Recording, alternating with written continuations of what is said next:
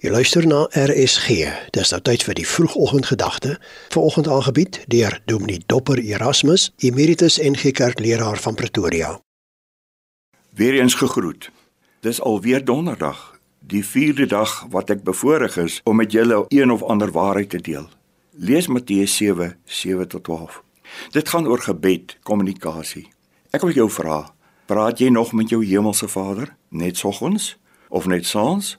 Of net wanneer jy hom nodig het of wanneer jy skrik of sommer heeldag.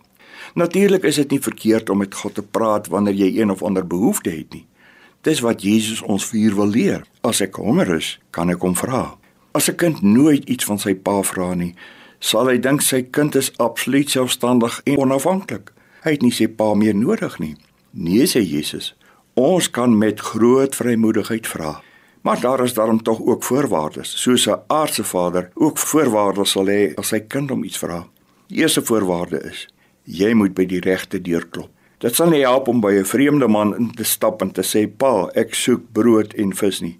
Die man se eerste reaksie sal desnoods wees: "Ek is nie jou pa nie." En sy tweede reaksie mag wees: "Ek het nie vis in die huis nie."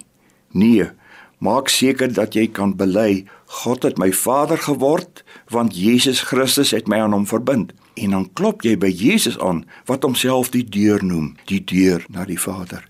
En die tweede is glo dat jou Vader vir jou sal gee wat jy regtig nodig het.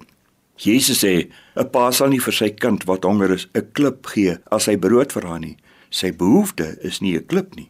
Jou pa sal nie 'n slang gee as jy vis vra nie. Hoekom sal hy jou lewe in gevaar stel? Ek wonder maar net of ons nie soms 'n klip of 'n slang vra nie. En ons Vader het ons heeltemal te lief om so 'n gebed te verhoor. Mag hy jou gebed vandag verhoor. Dit was die vroegoggendgedagte hier op RSG, aangebied deur Dominee Dopper Erasmus, Emeritus NG Kerkleraar van Pretoria.